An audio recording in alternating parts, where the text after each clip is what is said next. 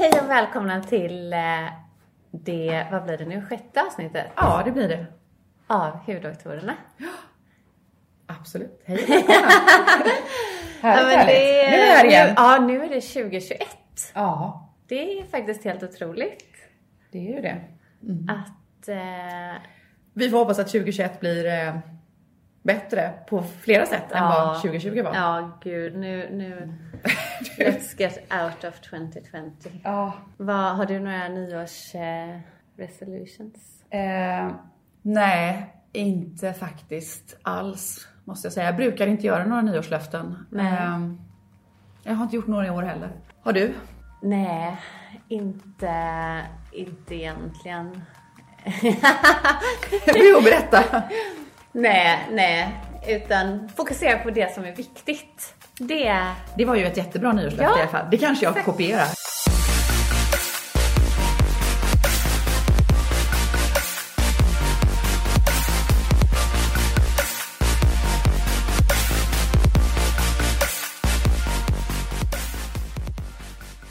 Satt ju här nu en och en halv timme på morgonen och pratade kärlek istället för vad vi faktiskt ska prata om. Just det, men det är väldigt viktigt det också. Ja, och det, det är det som är, det är ju otroligt viktigt. Det får vi satsa på fantastiskt. 2021. Ja, det satsar vi på, för båda är ju faktiskt helt kära och galna. Inte i varandra, men Nej, I, eh, inte i varandra, det är sant. Men eh, ja, men i andra. i andra. Ja, mm. och det är så underbart. Och ja, det, vi får, vi får starta kärlekspodden istället tycker jag. Ja, kanske det. Ja, vi får se om det är... Nu har eh, Peter här smilgroparna vid öronen så ska vi kanske lämna kärleken just nu.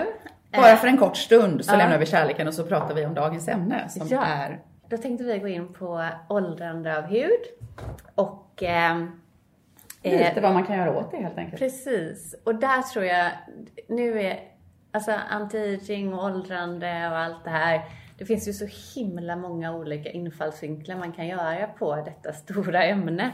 Så jag tycker att vi ska dela upp det här och, eh, och prata mer, för det finns ju så mycket, eh, vi har ju hela, liksom, ja dels så kan vi prata om etiken runt det här någon gång kanske. Vi kan prata om estetik, vi kan prata om topikala behandlingar, alltså krämer. Vi kan ta, prata om vad som faktiskt händer i huden när vi åldras eh, och vilket, vilket faktiskt tyvärr händer med alla andra organ också, ungefär på liknande sätt.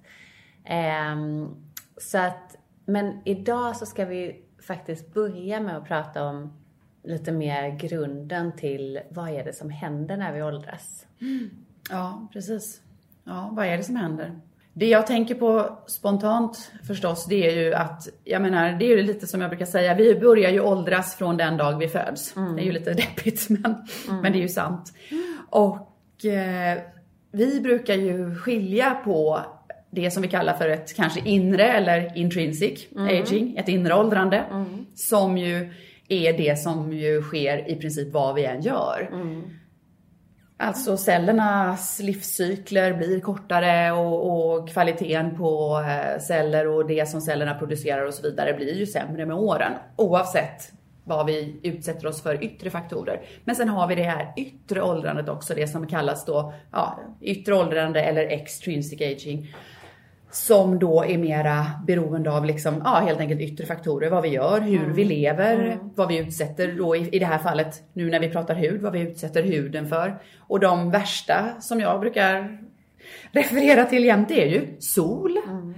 Det är ju eh, ja, förstås eh, rökning, dåligt levande allmänt. Det är så tråkigt där. All, alkohol, ja men socker, alltså mycket sådana saker påverkar ju huden eh, och negativt och får den att åldras snabbare helt enkelt.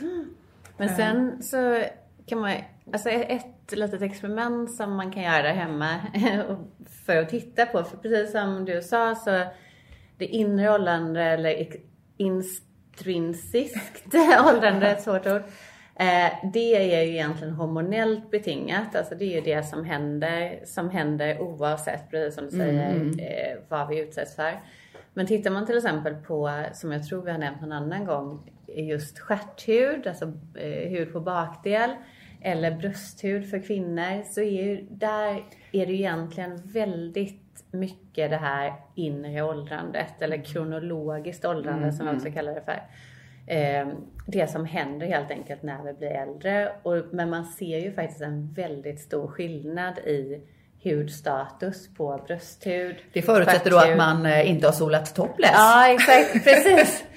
Och, men då kan man ju ta stjärt. Man brukar inte, ja, naturister gör ju det i och för sig då, men, eh, men kanske inte så ofta. Och kanske en, en liten population enbart. Men det är intressant att se i och för sig hur många i populationen som faktiskt är naturister. Men det kan vi belysa kan vi en annan gång. Men är man inte det helt enkelt så, så och tittar då på, studera stjärthud, eh, bakdelshud eller brösthud så, så är den ju väldigt annorlunda. Och vad är det som är annorlunda då? Jo, vad vi ser är att den är väldigt rynkfri. Mm.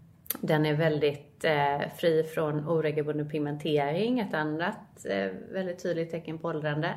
Den är inte lika torr som eh, till exempel överarmshud som har varit eh, ofta väldigt exponerad för huden. Eh, för solen med det. Så att eh, så här kan man ju verkligen titta på sin mm. egen kropp och se vilken betydelse speciellt solen har. Ja, jag kan inte annat än instämma. Det är, solen är väl definitivt den, den eh, största fienden för eh, att, att få en, en åldrad hud i alla fall.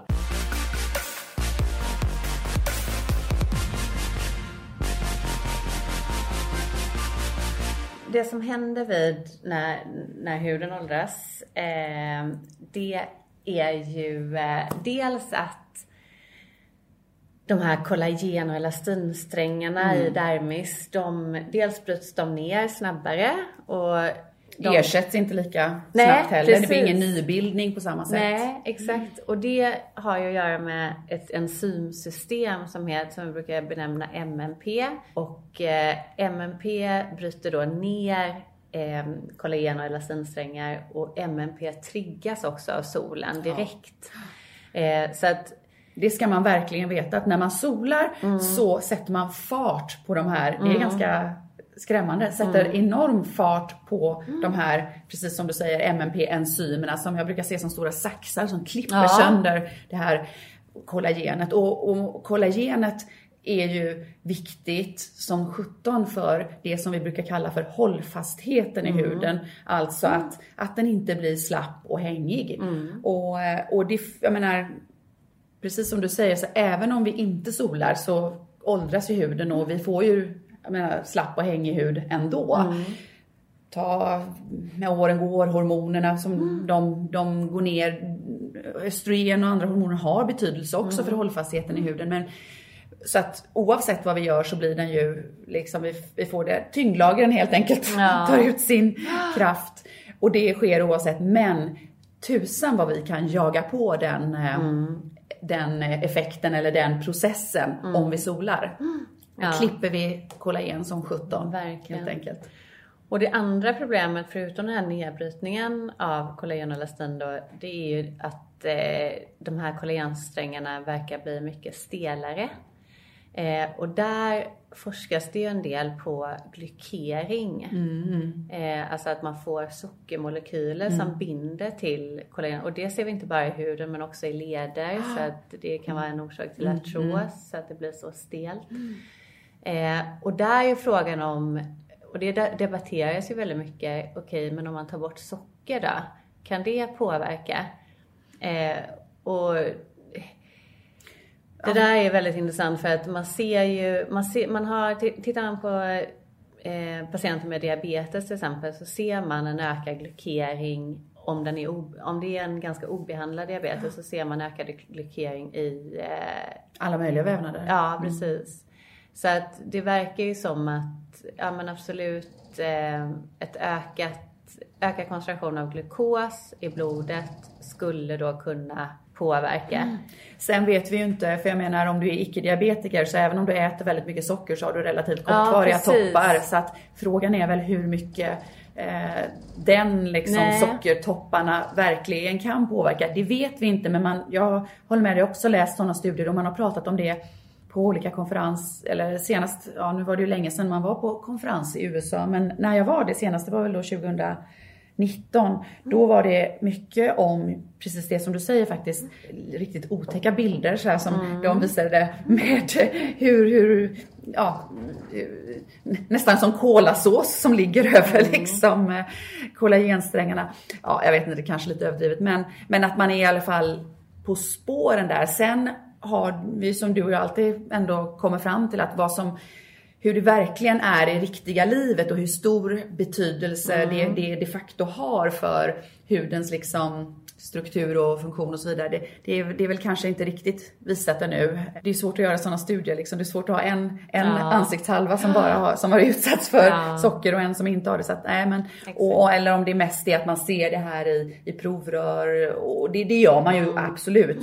Precis som du säger, men vad det sen har för det så Mm. klinisk betydelse, det är det kanske återstår att liksom Ja, det är klarlägga. svårt och det är det vi har sagt hela tiden att det är ju det är ju väldigt svårt det här med att göra kontrollerade, kontrollerade studier Mm. på intag av kost.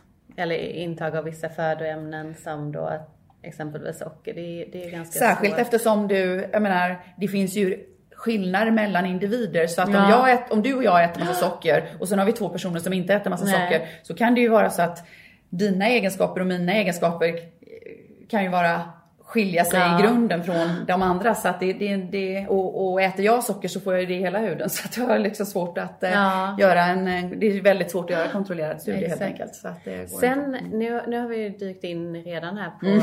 på, på kost och sådär. Ehm, och det där är ju väldigt intressant. Det finns, jag vet att det finns studier där man har tittat på antiglykering. Alltså det, dels så är det ett jättestort område inom kosmetikvärlden att man tittar på antiglykering. Kan man tillsätta vissa molekyler eh, topikalt på huden för att då minska den här glykeringen. Och det där har man också visat väldigt bra i provrör men det är inte alls säkert att det faktiskt sker för att den här glykeringen sker ju i dermis och då ska de här molekylerna tränga in ner hela Mm. Och det har vi vägen. ju pratat om tidigare att det är ju inte alltid det lättaste Nej. att få de där molekylerna Exakt. in i huden. Precis.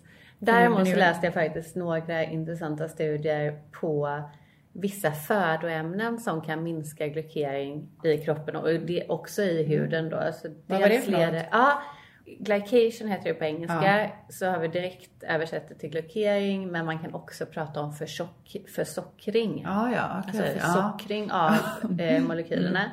Helt enkelt att, eh, att sockermolekyler binder till andra strukturer i huden och sånt där. Det är det Exakt. vi menar med glykering. Man tror att eh, ökningen av eh, advanced glycation end products. Så det man brukar prata om det är advanced glycation end products och man förkortar det AGE, alltså age. Eh, och det som är väldigt intressant är att eh, eh, redan för 70 år sedan så kom det första rapporterna om att nivån av socker både i blodet och i huden kan relateras till en sockerrik eh, kost. Och eh, även om man inte direkt såg innebörden av de här resultaten från de här studierna så visade det sig ett, intressant samband mellan diet och hudhälsa. Och eh, man har också sett att de här AGE, alltså försockringen, bildas vid vissa matlagningsprocesser som till exempel grillning, stekning och rostning. Så det är inte bara det att du äter mer socker utan äter du grillad mat Och socker. Eh, ja, kanske. Det här är specifikt bara för eh, att, att de här eh, anti-glycation products verkar bildas i den här processen så att du får... Själva matlagningsprocessen Ja, och så äter du, äter du de här Ja, AGE sen. Är det så? Exakt, Aha, exakt. okej. Eh, och ehm, däremot eh, om man har ett vattenbaserat tillagningssätt då, som kokning och ångning så produceras inte de här advanced glycation end products. Och då kommer vi osökt in på hur kan man göra för att minska de här advanced glycation end products? Jo, eh, man har visat att man begränsar bildningen av AGE, försockringen, i större utsträckning när man äter medelhavskost. Ah. Eh, och andra dieter med lågt glykemiskt index, alltså GI, samt intag av polyfenoler. Nej, jag tänkte säga samt dricker vin till. Nej, okej. Ja, men det, det tror jag faktiskt också att man kan göra för att eh, rödvin är ju mycket polyfenoler Ja. och flavonoider. Så Och, italiensk eh, mat och rödvin helt enkelt. Ja. Yes. Men det är ganska mycket socker i vin tyvärr. Det är den lilla detaljen. eh, och man har också sett eh, i vissa studier att man minskar då de här bildningarna av AGE vid intag av, nu kommer det, ingefära, vitlök, olika antioxidanter som till exempel liponsyra som finns i spenat, broccoli, potatis, tomater, brysselkål, morötter eller rödbeta. Eller kanetin, och det här är lite synd då med tanke på den vegetar- vegetariska kosten, för det finns tyvärr i kött, Ja, kyckling, mjölk, ost, men även i sparris. Eh, och sen har vi då flavonoiderna och specifikt vitamin E, selen, zink och mangan. Oj, oj, oj. Yes. Hjälp. Så nu, eh, Nu ska du göra en dietlista. ja, ja men det kan vi kanske göra på Instagram, skriva ut de här. Det finns också i eh, hudbibeln. Ah, ja. ja. men vi gör det. Vi lägger ut det på Instagram. Det, Ja, ja, det ja, var men roligt det- faktiskt. Det, ska ja. jag, det, ja, det där vill jag också ha på en, en, bra, en bra lista. Ja, sen kan vi mäta våra, när vi har gjort det här så mäter vi eh, resultatet med, hur då? Vår, med vår Antera-kamera. Ja, Ja. gud vad spännande. Ja, hur länge ska man äta sådär för att det ska, man ska få effekt? Nej, men jag tror tre månader minst. Ja, alltså. minst tre månader. Ja, men det är väl bra. Och det tänker jag på allting när det gäller alla anti-aging, både produkter och behandlingar och allt sånt där. Att man måste ha ett ganska långt tidsperspek- tidsperspektiv. Ja. För det är ju faktiskt precis så som det är. Många använder någon kräm en, en vecka eller två och så kanske man inte tycker att det händer så mycket. Men det är lång tids användning för att eh, få några resultat överhuvudtaget. Ja, exakt. Och sen är det ju inte, när vi tänker på hur vi åldras, så är det ju inte bara, man, man har ju snöat in väldigt mycket på det här med kollagen och nästan alla vet ju vad kollagen är idag och tyvärr så har ju det blivit ganska mycket missuppfattningar kring det där. Mm. Vad tänker du kring att äta kollagen, Johanna? Ehm, jag tror ju inte på det. Tror du Nej. på det? Nej, jag gör nog inte riktigt det heller dessvärre. Jag tänker lite grann, hur ska just det där kollagenet, alltså det bryts väl ner och hur ska det, och det, ja, hur ska det hitta ut till själva huden och ska, nej jag, jag, jag, jag tyvärr, jag tror inte riktigt på det heller. Och jag har inte sett några övertygande studier. Det är ju inte så himla intressant vad jag tror och själv och tänker egentligen, men jag har inte heller sett några Nej. övertygande studier. Nej, inte jag heller. Tar man ett litet annat exempel så här, så det är därför man forskar väldigt mycket på små molekyler när det gäller läkemedel för att de ska tränga in i eh, tarmslemhinnan och sen komma ut i blodet. Men kollagen är ju ett av våra största proteiner. Ja, dock det är är, lite- de väl nedtuggade i de här, de är väl nedklippta i de här Ja, eh, men då är det inte kollagen. Nej, exakt, då är det ju aminosyra. Ja, Ja, nej, jag förstår inte heller. Jag gör faktiskt inte Och, det. sen, och då skulle man kunna tänka sig i så fall att, för jag menar kött innehåller ju mest kollagen. Ehm, så att i så fall skulle ju köttätare ha mindre rynkor. Och det är ju inte alls så. För titta, det finns en stor holländsk studie där man tittar på 2000 kvinnor. Som den ena äter mer, mer frukt och grönsaker, de andra mycket mer kött. Och man ser ju snarare då att de här som äter grönsaker och frukt har mindre rynkor än köttätare. Nej, Jag är ju lite så här att jag tror ju dessvärre att mycket jag tror inte att kanske, alltså kost är jätteviktigt för vårt allmänna välbefinnande, men jag tror inte att eh, kosten har enormt stor betydelse i alla fall för, för eh, eh för till exempel huden och hudens åldrande. Jag tänker att det kanske har, det har kanske en liten betydelse men den stora skillnaden som vi oftast tror jag vill se, den ser vi nog inte med olika kosthållning. Där det, den enda som vi ser en jättestor skillnad det är ju sol egentligen. Sol och rökning. Jämför ett ansikte som inte har fått sol på sig med ett ansikte som har fått sol på sig. Där ser man gigantiska skillnader. Och ännu mer skulle jag säga än kanske till och med för rökning. Men, eh, men nej, så att jag, jag, jag solen 99 procent. Ja. Alltså resten, det, det är på något sätt eh, Ja, som sagt var, vi lever i en värld där vi strävar efter på något sätt eh, leva hälsosamt och det är väl jättebra men, men jag tror att vi många gånger tillskriver den, den livsstilen kanske lite alltför stora effekter på till exempel hudens åldrande och sådana där saker. Mm. Jag, jag tror ju faktiskt, även om eh, det är svårt att göra den här typen av studier, jag tror att Alltså absolut, solen är så lätt att studera för det är bara att, att ta hud. Du bara se sig omkring. Ja, dels är absolut, absolut. Men sen är det ju lätt att, det, det är ju lätt liksom att införskaffa olika UV-strålningslampor och sådär och, och, och, studera det här. Vad händer när, vi, när huden utsätts? Det är inte lika lätt med kost. Men däremot så tycker jag, min erfarenhet att eh, eh personer med viss typ av livsstil faktiskt, att det, att det påverkar. Sen är det ju hela genetiken såklart. Men, men jag tror att eh, Sen behöver man inte gå all in eller vara extrem. Men jag tror att intag av frukt och grönt, och det ser vi ju när vi hade brist på vitamin A eller till exempel sjöbjugg, vitamin C.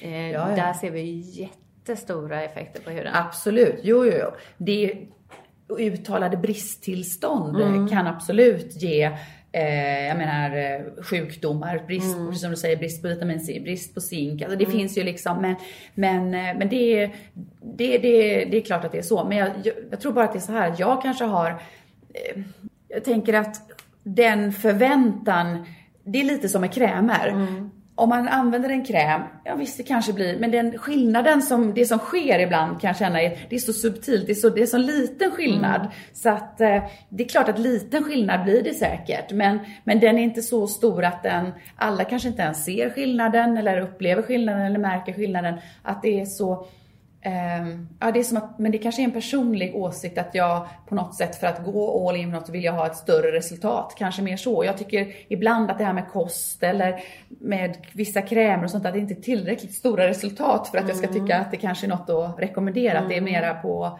det mer subtila. Men det är, mm. ja, Fast kanske under en lång tid. Långtidsbehandling? Ja, jo. Livstidsbehandling? Livstidsbehandling, ja, Livstid. jo. Ja, livstids. Ja, just det. Men jag tänker så här, det här, nu menar jag ju då att vi ska, jo, då utgår jag ifrån, som jag säger, att en, en allmänt sund livsstil, mm. det är ju bra. Men om man, om man jämför en allmänt sund livsstil med sen ytterligheterna här ja. då med att man ska eh, äta ditten och datten för att liksom få en bra hud. Där tror jag inte att skillnaden Nej. är så stor. Det är det jag egentligen Nej. menar. Alltså att, man, att om man har en sund livsstil så räcker det. Jag tror inte att man kan förbättra så extremt mycket genom att, att eh, liksom skruva åt den där sunda livsstilen till att bli ännu sundare. Eller ska jag säga. Mer Nej, så. Det, det är möjligt. Men då, då kommer vi in i en diskussion om vad en eh, sund livsstil är. Ja, det är väl, ja. det är väl sant. Men, eh, och där är väl egentligen äta, ja, nej men där, där, där kommer väl Socialstyrelsen in. Ja, inte åtta skivor bröd om dagen kanske, men, mm. men att det är klart att man ja, ska motionera, men det, man får inte motionera för mycket. Man ska motionera lagom. Mm. Motionerar du för mycket, då drar du säkerligen igång diverse stresshormoner ja. som i sin tur kan göra en hel del mm. förändringar till det negativa, mm. både för huden och kroppen i övrigt. Så att det, jag menar, det och går inte... du ner för mycket i vikt så Absolut. kommer du också att få överbliven hud som, ja. eh, som slapp hud. Ja, absolut. Mm. Men om man är som sagt var heter något sånär varierat och motionerar lagom. Det är väldigt bra det här svenska mm. ordet lagom ja, liksom. Men ja. det är lite såhär, äta lagom, inte vara överviktig, Nej. inte vara underviktig. Inte, inte tokträna, men inte bara att ligga på soffan. Alltså det är det Nej. här jag tror att ganska, ganska liksom mittemellan. Jag tror inte att det är bra att springa maraton var, varannan vecka eller sådana grejer oh, heller. Liksom. Nej men jag tror inte det. Varken för, för det ena eller andra delen av, Nej. inte för någonting. Och där, det, jag tycker det här är så, jag är verkligen, det här ordet lagom. Det finns ju ett latinskt ord, tror jag att det är, som heter, jag vet inte om det är latinskt förresten, men hormessis. Mm. Hormessis handlar just egentligen om lagom. Eh, för där har man sett att nästan på allting när man eh, tittar på enzymer så ser man att ja, men lite till exempel som vi tror är dåligt, oxidativ stress, fria radikaler. Eh, lite av det här triggar faktiskt enzym och gör dem eh, betydligt mycket eh, kraftigare och piggare. piggare. Eh, också celler, alltså hela cellfunktionen. Men får man för mycket, mm. då stängs processerna av. Eh, och, och det här är ju någonting väldigt intressant och, väl, och, och också väldigt svårt för hur vet vi vad är lagom för just min kropp till Nej, exempel. det- Det där är lite svårt. Men jag tror ju så mycket på detta. Ja men det tror jag. Och det ordet som du nämnde, det måste vara det samma som det man använder som då på inom medicinen, homeostas. Det måste vara det liksom. Ja. För homeostas betyder ju i princip balans liksom. Exakt. Och där, där det, det kräver ju att vi, att vi eh, så att säga Eh, och, det, ja, och det är ju otroligt mycket kroppsfunktioner som det kräver ganska, det är ganska snäva eh, spann egentligen. Ta bara kroppstemperaturen. Va? Du menar du har ett visst spann där, där alla funktioner i kroppen fungerar optimalt. Några grader hit eller dit gör att massor av liksom funktioner kan sättas ur spel och så vidare. Så att det är lagom är ett väldigt bra ord. Det är konstigt att det inte är översatt till Ja, fler språk. det- Det, det fin- finns ju inget la- ord lagom, finns ju knappt på några andra språk. Men eh, det är ett, ett förbaskat bra ord, måste jag säga. Så att lagom, eh, ja det, det är min i alla fall livsfilosofi. Eh, Eller vad jag ska säga, eller att tro och kanske råd som jag ger liksom till patienter och så vidare. Att lagom, lagom av det mesta och även eh, så, så tror jag att så kommer man faktiskt ganska långt. Kanske till och med lite lagom sol. För att jag tror ju inte, det här har vi pratat om tidigare, jag tror ju inte att man ska vara helt utan Nej. sol. För då får man nog eh, både eh, nedstämdhet och andra, men, men definitivt bara lagom och ganska, kanske lite mindre än vad man tror. Och där kan man ju också, man ska ju aldrig känna av effekterna av solen, alltså att man blir röd eller Nej. bränner sig eller känner en, en eh, obehagskänsla.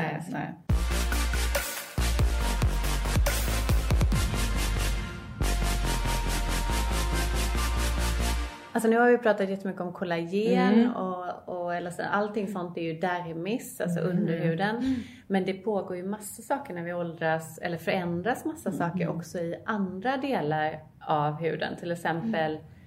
överhuden, epidermis. Så här, när vi åldras så minskar cellernas proliferationstakt, alltså celldelningstakt.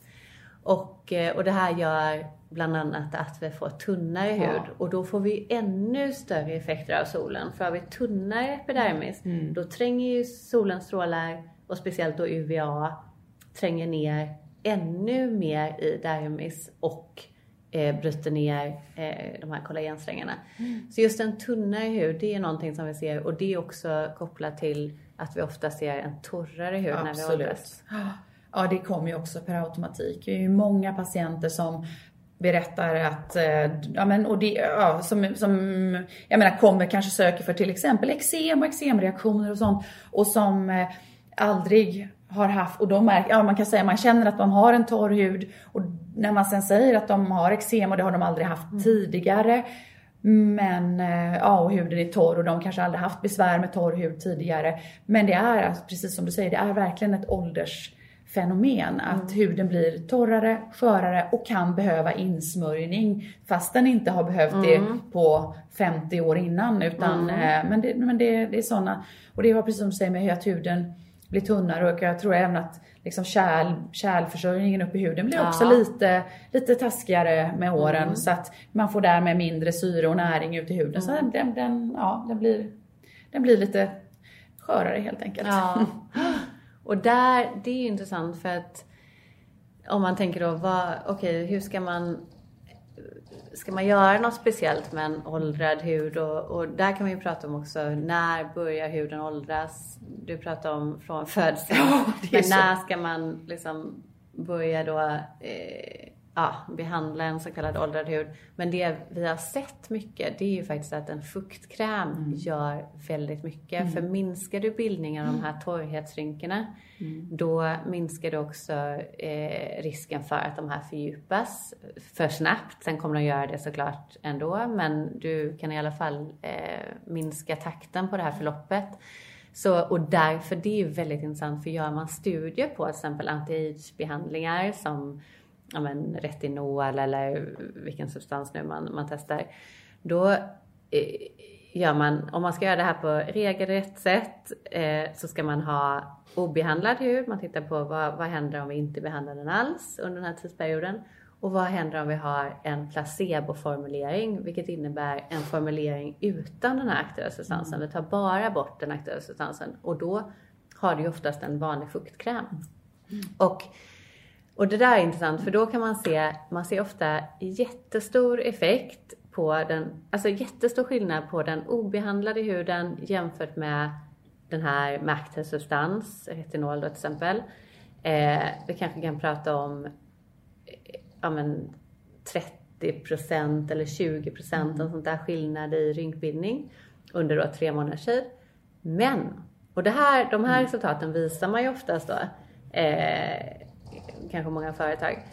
Men tittar man på den här placeboformuleringen då är ju den nästan lika bra effekt. Så bara det faktum att du överhuvudtaget smörjer Exakt. någonting ger en god effekt? Absolut. Exakt. Jo, ja, men det, det har jag också hört och läst som sagt så det, det, Och det är väldigt, väldigt, väldigt viktig information mm. tycker jag. För att det kan ju låta banalt att bara liksom återfukta men det har jättestor betydelse. Ja, det, det, det går inte att under underdriva. liksom. Eller, ja, förlåt, tvärtom kanske, det går inte att överdriva. Ja. Jag ser väldigt ofta att ehm, eh, menar, en idé om att, att arbeta förebyggande med anti-aging-produkter typ redan i 25-årsåldern. Mm. Att börja använda eh, till exempel retinol eller botox, botox också för den delen. Mm. Är det en myt? Eller är det så att man kan förebygga hudens åldrande med hjälp av produkter tidigt? Mitt första spontana svar på den frågan är att den absolut bästa anti-aging-produkten, det är ett solskydd. Ja. Det är faktiskt så. Så att, eh, eh, det, den, den, den tycker jag ofta man glömmer när man pratar om, om anti-aging. För det är mycket krämer med aktiva substanser mm. och så vidare. Liksom. Mm. Så att, eh, men, men solskydd, det är under egentligen hela livet. Men det kan man definitivt börja med i tid för att förebygga. Det är väl det bästa. Mm. Det, det är definitivt väl dokumenterat och ingen diskussion om saken. När det gäller, ja, alltså Botox skulle jag nog inte säga att man behöver eh, Eh, förebygga på något sätt. Eh, det kan man i så fall, om man nu vill ägna sig åt det, så kan man ta det när rynkorna kommer upp faktiskt. Det kan man göra. Mm. Sen är det klart, man kanske inte kan vänta till man är liksom 50 år och har djupa, djupa väck. Då kan det vara svårt att få dem kanske att gå tillbaka med bara botox. Men jag menar, ja, det, det tycker jag inte man behöver börja med 25-årsåldern, botox i alla fall. Det är min åsikt. Men, eh, och sen när det gäller, ja, anti-aging-krämer, retinol och, vita, och så, så annat, jag tänker C-vitamin, E-vitamin och sånt mm. här som har liksom dokumenterade anti-aging-effekter. Så jag ser inga problem med att börja med det i tid, men jag, jag kan inte säga mm. att, äh, att, äh, att men det är klart att det är, klart, det är lättare att förebygga än att, än att, än att eh, behandla bort så att ja. säga. Och där skulle jag säga att, eh, precis som vi sa, en, en bra fuktkräm är, är förebyggande för att du bildar inte de här torrhetsrynkorna. Men sen om man ska då hämma det här med MMP-enzymet som vi pratade om som triggas igång när vi åldras och speciellt av sol och sådär.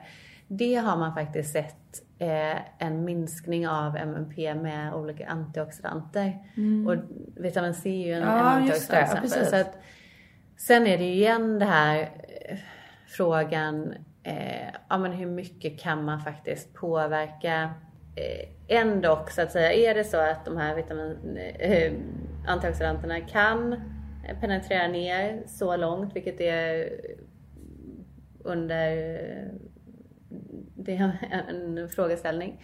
Eh, så skulle det kunna vara så teoretiskt sett att man, att man hämmar MMP-enzymerna och då eh, minskar eh, nedbrytning av kollagen, vilket då skulle kunna förebygga ett, eh, ett eh, för tidigt åldrande av hud, så, som vi säger. Mm, mm, mm. Jo, men jag tror att det, det... C-vitamin är säkert bra att ha ja, i, mm. i hudvårdsprodukter från ganska tidig ålder, mm. kan jag tänka mig. Ja, och där eh, tittar man ju också då på, okej, okay, okay, nu har vi pratat om vi får rynkor, vi får en slappare hud som hänger när vi åldras, mm. vilket gör att vi får de här eh, nasolabiala vecken mm. från näsa till mun, vi får eh, ögonpåsar. Mm. För där sker ju ytterligare en sak också. Det sker ju även djupare i huden mm. som inte bara har med kollagenet och hudytan att göra. Det går ju ännu längre ner. Mm. Vi har ju också omfördelning av till exempel fett och fettdepåer ja. i huden som tyvärr då sjunker mm. neråt och, mm. eh, och fettdepåerna är som olika kuddar nästan, jag brukar säga som compartments. Alltså som, de, det, är liksom, det är inte bara så att det finns en fettdepå i ansiktet utan det är som, det är som olika eh, områden som, som hänger ihop och de liksom nästan glider isär med mm. åldern. Liksom. Så att det är därför det uppstår också olika, ja, liksom man, man kan känna sig att man tidigare har kanske varit fylligare i ansiktet. Det har inte bara med kollagenet att göra utan det har också med att, att, då, att de här fett, fettkuddarna liksom drar, dras isär mm. lite granna och, mm. och trillar neråt och börjar mm. hamna på fel ställe som gör att det, att eh, man kan börja känna sig eh, ja, tom i liksom mm. Eh, mellanansiktet och sådana saker. Va? Mm. Så, att, eh, så att ja, det är många förändringar och sen sker, sker faktiskt ännu värre, sker också en skelettförändring. Det, mm. Tittar man på, ett, eh, på liksom skelettet på en, en äldre person så ser man också att vissa delar eh, liksom blir förstärkta och vissa faktiskt eroderas eller sjunker ihop. Så, att, så, vi, ja, så även det, mm. struktur, ansiktsformen och strukturen förändras faktiskt. Så att, eh, men, men sånt däremot, det kan man inte hänföra mer till det här inre åldrandet. Alltså det sker oavsett vad ja. vi gör. Och det här är ingenting som jag tror man... Det, det, det, det är faktiskt det enda som är soloberoende. Ja, precis. Men, eh, men som sagt var, ungefär, ja, titta på studier, runt 80% av hudens åldrande kan ändå liksom mm. hänföras till solen. Så att vi kan ju påverka det Absolut. om vi vill. Det kan vi definitivt. Så att, och det nu, vad man sett nu, det är att att man också börjar titta just på, kan man faktiskt stimulera fettdepåerna, precis som du pratar om. Kan man stimulera fett? För det har man ju alltid velat och det där är jätteintressant. Det vill man inte någon annanstans men... Nej precis! För att, jag menar, till exempel om man tittar på celluliter, där vill man ju ta bort det här fettet och det, den vanliga så här cellulit eh, receptet.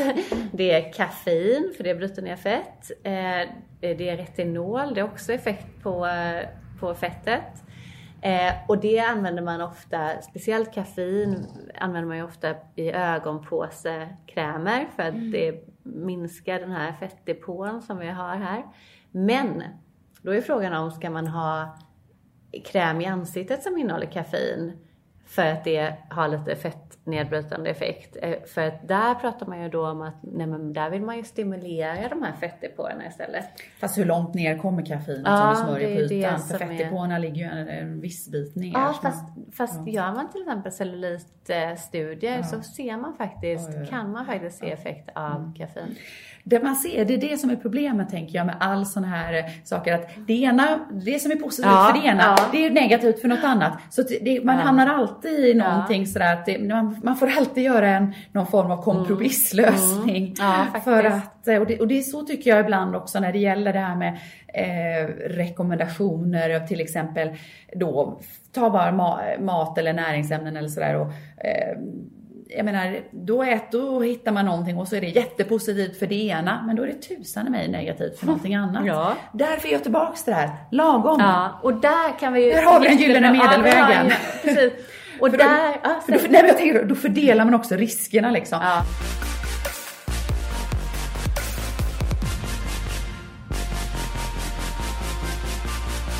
Det för oss också till vilket vi har pratat faktiskt mycket om i andra avsnitt, just syror. Ja. För syror, nu har vi pratat lite om då retinol, vi har pratat lite om vitamin C och retinol är ju rent, det, det fungerar ju inte bara på MMP utan det fungerar ju också faktiskt kollagenuppbyggande mm, så mm. det är ju det är ju en, ja, vi kan prata lite mer om det Men det sen. är ju, det är vi ju helt överens om, en anti-aging ja, substans som vi alla faktiskt vet fungerar ja, det och har effekt. Absolut, det är definitivt. Sen måste den paketeras på rätt sätt och den måste hanteras rätt. Men den har rätt använd under en längre tid så har vitamin A Exakt. eller retinol eller ja. ja. bra effekt. Och där kan vi ju faktiskt, nu hoppar vi från syrorna men det, det är ju superintressant för att anledningen till, hela anledningen till att vi har börjat med vitamin A eller retinol, så vitamin A och retinol är exakt samma sak. Det är för att på 60-talet så började man behandla dels psoriasis men också akne med vitamin A-syra. Mm. Och vitamin A-syra är ju ändprodukten, liksom retinol eller vitamin A är byggstenen kan man säga till vitamin A-syra. Så vitamin A-syra är egentligen the real stuff liksom, mm. som går på retinoidreceptorerna eh, i huden. Och en biverkan som man såg då när man testade det här på aknepatienter, speciellt i och med att det var ansiktshud, så såg man att men de rapporterade ju, mm, de, tyck, de här patienterna tyck, upplevde en föryngrande effekt. Yes. Att rynkorna påverkades. Och det här tyckte man ju då var fantastiskt. Och i och med att vitamin A-syra är klassat som läkemedel så, eh, och inte får användas då inom kosmetik, då har man istället gått för den här vitamin A eller retinol, byggstenen. Så den är inte lika effektiv som vitamin A-syra men definitivt Ja. eh, effektiv. Absolut. Men som sagt vad det gäller att ha tillräcklig koncentration, det gäller att det Mm. förpackas på rätt sätt, att det används på rätt sätt och så vidare. Och inte används, för man har väl inte det i dagkräm egentligen för det bryts väl ner av dagsljuset. Precis, det bryts ner av UV och det är ju extremt känsligt. Mm, Så att eh, köp aldrig till exempel retinol i en burk där du Nej. öppnar locken och sådär. För det, Så det lufttäta, stängda lufttäta, stängda. Mm. Och sen, men det är ju svårt att veta för konsumenten, men vi, man har ju sett och det, det kom ut en, en studie nu där man har hittat på retinol i mängder av kommersiella produkter och man ser att det är väldigt många gånger som retinolet har försvunnit ner till liksom 20 procent Ja. av det man faktiskt stoppade i. Mm. Så att eh, Det är svårt. det är svårt att veta att man får en, en ny producerad Mm, batch mm, så att säga. mm. Men får man det så kan den absolut ha effekt. Sen får man också vara försiktig för vad, vad vi har sett i studier. Vi gjorde till exempel en studie på retinol där vi tittade eh, på hösten precis efter sommaren när huden är, oftast är väldigt, eh, har bra kvalitet för att solen har ju också, fastän solen är negativ så har solen också en immunosuppressiv eh, förmåga och, eh, och man har påverkat massa mekanismer i huden. Ehm, men ehm, då så såg vi jättefina effekter av retinol på, precis i september. Gjorde vi om studien och det här var faktiskt en biopsistudie så att man tittade på kollagenbildning och sådär i de här biopsierna på överarm av kvinnor som var över 55. Men gjorde vi studien i januari istället när huden är mycket mer skör och, eh, och irriterad och torr. Då var det faktiskt många av de här kvinnorna som upplevde att, eh, att de blev väldigt irriterade av retinolet. Så att det ska man också vara varse om att för att om du testar retinol och det fungerade jättebra precis efter sommaren så kan det vara värt att ha det i beaktning att du kan reagera helt annorlunda när huden är, är torrare. Oj då, ja, ja, ja. Tänker torrare kanske går in mer i hur, liksom kommer in mer Ja, djupare på något exakt. sätt eller så. Okej, ja, det var intressant. Ja. Nej men så okej, vi kan enas om att eh, vitamin A och dess eh, liksom eh, substanssläktingar är, är, är, är, är bra att ha i alla fall. Eh, och sen är vi också överens om att vitamin C är bra. Ja. ja, och sen finns det ju mängder av andra antioxidanter faktiskt. Eh, och det är svårt att, att nämna alla men, eh, men antioxidanter har ju en effekt på att, att de tar bort fria radikaler från olika enzymer i kroppen som bryter ner olika Ja, ja saker. precis. Ja, precis. Eh, och sen har vi då syrorna och syrorna är ju intressanta för att de där, om vi pratar om glow, Mm, då, då är det ju faktiskt så att ja, vi, vi tar bort lite av de, de här, lite, lite av hornlagret och förbättrar texturen något. Och då reflekterar ljuset på ett annat sätt och då upplevs huden som att den har att Glow, Den, ja, glow. Lyster och... Men där gäller ju också lagom. Verkligen. För använder du för mycket syre så riskerar du faktiskt att tunna ut, även om det är hornlagret som du tunnar ut så är det ju ändå så att det, det är ju det här som ett skydd för bland annat sol. Och hornlagret är ju också ett skydd för att inte förlora allt för mycket vätska heller Exakt. och att huden då blir uttorkad. Och det har vi ju lärt oss i tidigare avsnitt här nu att om huden blir uttorkad så kan det dra igång eksem. Så att det är ju viktigt verkligen, återigen lagom, att inte pila för mycket. Ja. Och vad tycker du om att pila med mekanisk peeling som jag säger med korn och sådana grejer? Det är väl inte någon höjdare va? Nej, jag tror, jag tycker inte att det är speciellt för att eh, det finns ju ett fenomen som heter Köbner-fenomenet. Mm, Som bland annat i vitiligo är det jätteviktigt att eh, har man eh, Utsätter man huden för friktion Mm. så, så riskerar man ju att, att trigga igång Ja. en del processer. Det gör man definitivt. Det kan man ju se på patienter till exempel som har sådär, en del kan ju få lite så här nästan tics, att man sitter och kliar på ett speciellt område. Och eh, det behöver ju inte där kanske inte fi- finns något speciellt. Det är klart att det kanske har kliat lite grann från början. Men sen, ju mer man kliar och nöter, Ja. då svarar ju huden med att bli förtjockad. Den skyddar sig liksom mot den här nötningen genom att bli förtjockad. Så till slut kan man få så här ordentligt förtjockade man säger, hudområden. Inte helt ovanligt till exempel på smalben och sånt där på utsidan av vaden att man en del har såna där plack liksom med områden som man har eh, ja, nästan liksom kliat sig till. Kanske från början inte medvetet Nej. och sen så har man eh, eh, fortsatt att klia och, och som sagt var huden försvarar sig genom att förtjocka sig för den tycker att vad är det här för konstig nötning utifrån så att nu, nu kanske man inte når det här fenomenet om man pilar för mycket egentligen men vi råkade komma in på det här bara. Men, nej, men rent allmänt så ska man nog vara rädd om sitt hornlager. Man ska eh, vara Eh, inte ta bort för mycket av det, bara lite granna. Eh, och därför är väl mildare peelingar också att föredra och inte för ofta. Och det är lite grann beroende på hudtyp. En del hudtyper tål ju mer peeling förstås och en del är känsliga och tål kanske inte alls samma. Så det blir också en individuellt, man får liksom pröva sig fram antingen själv eller med någon, någon som kan.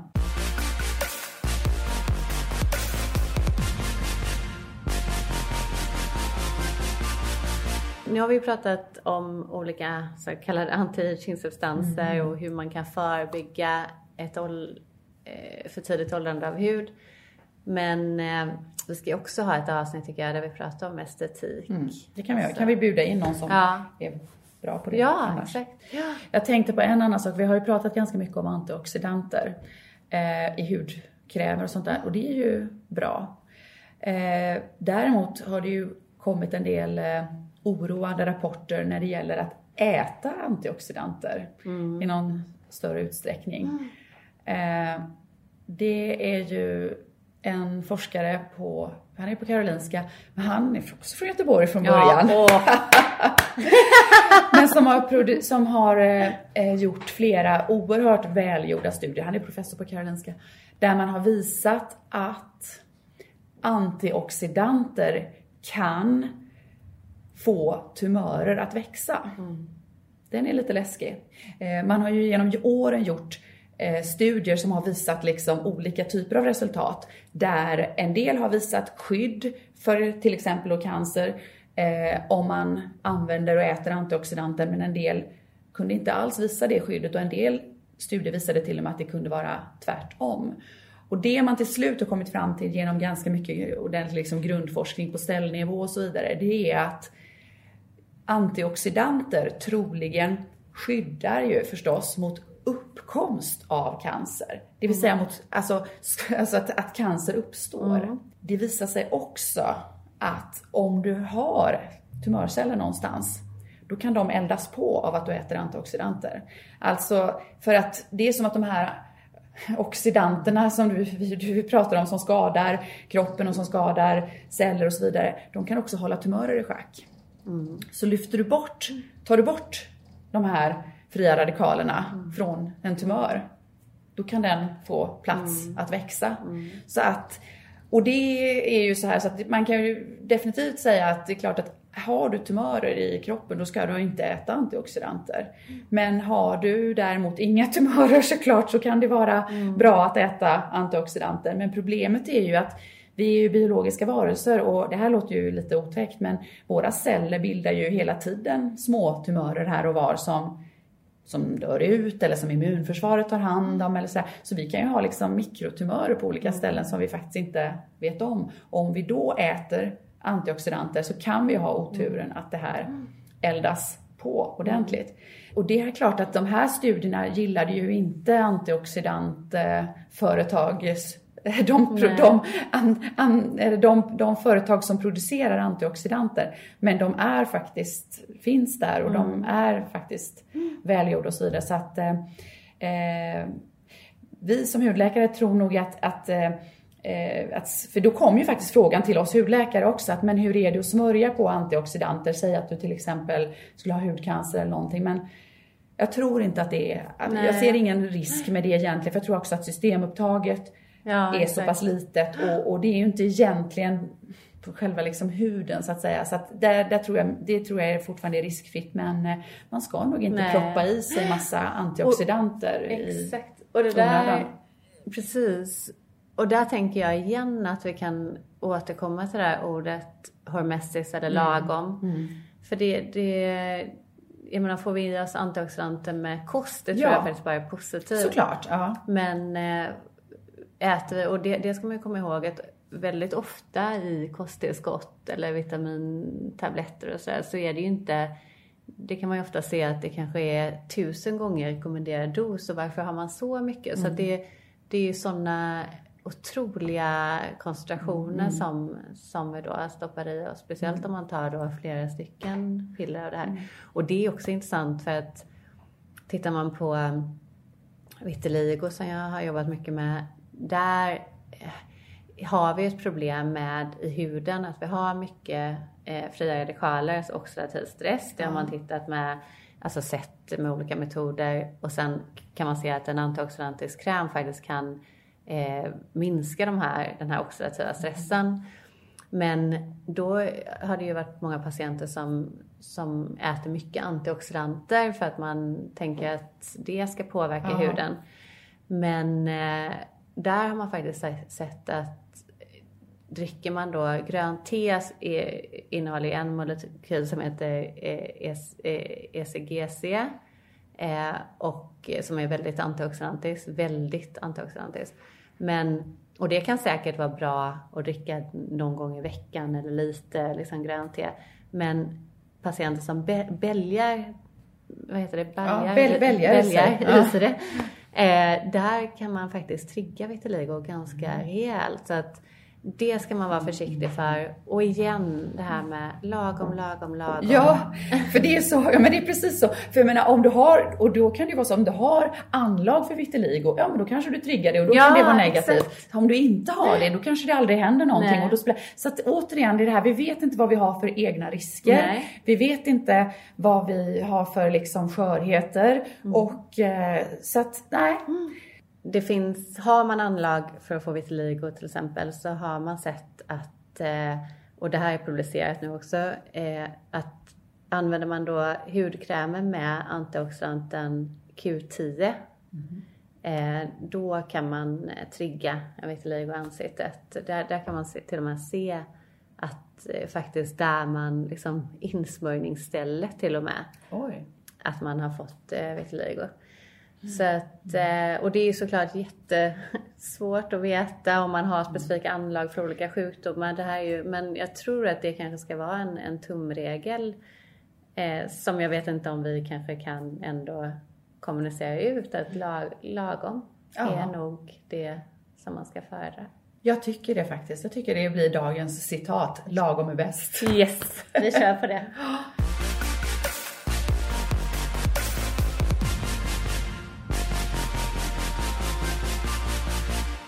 det här var jättetrevligt. Snön eh, singlar vackert ned utanför oss här.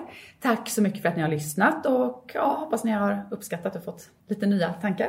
Ja, tack så mycket.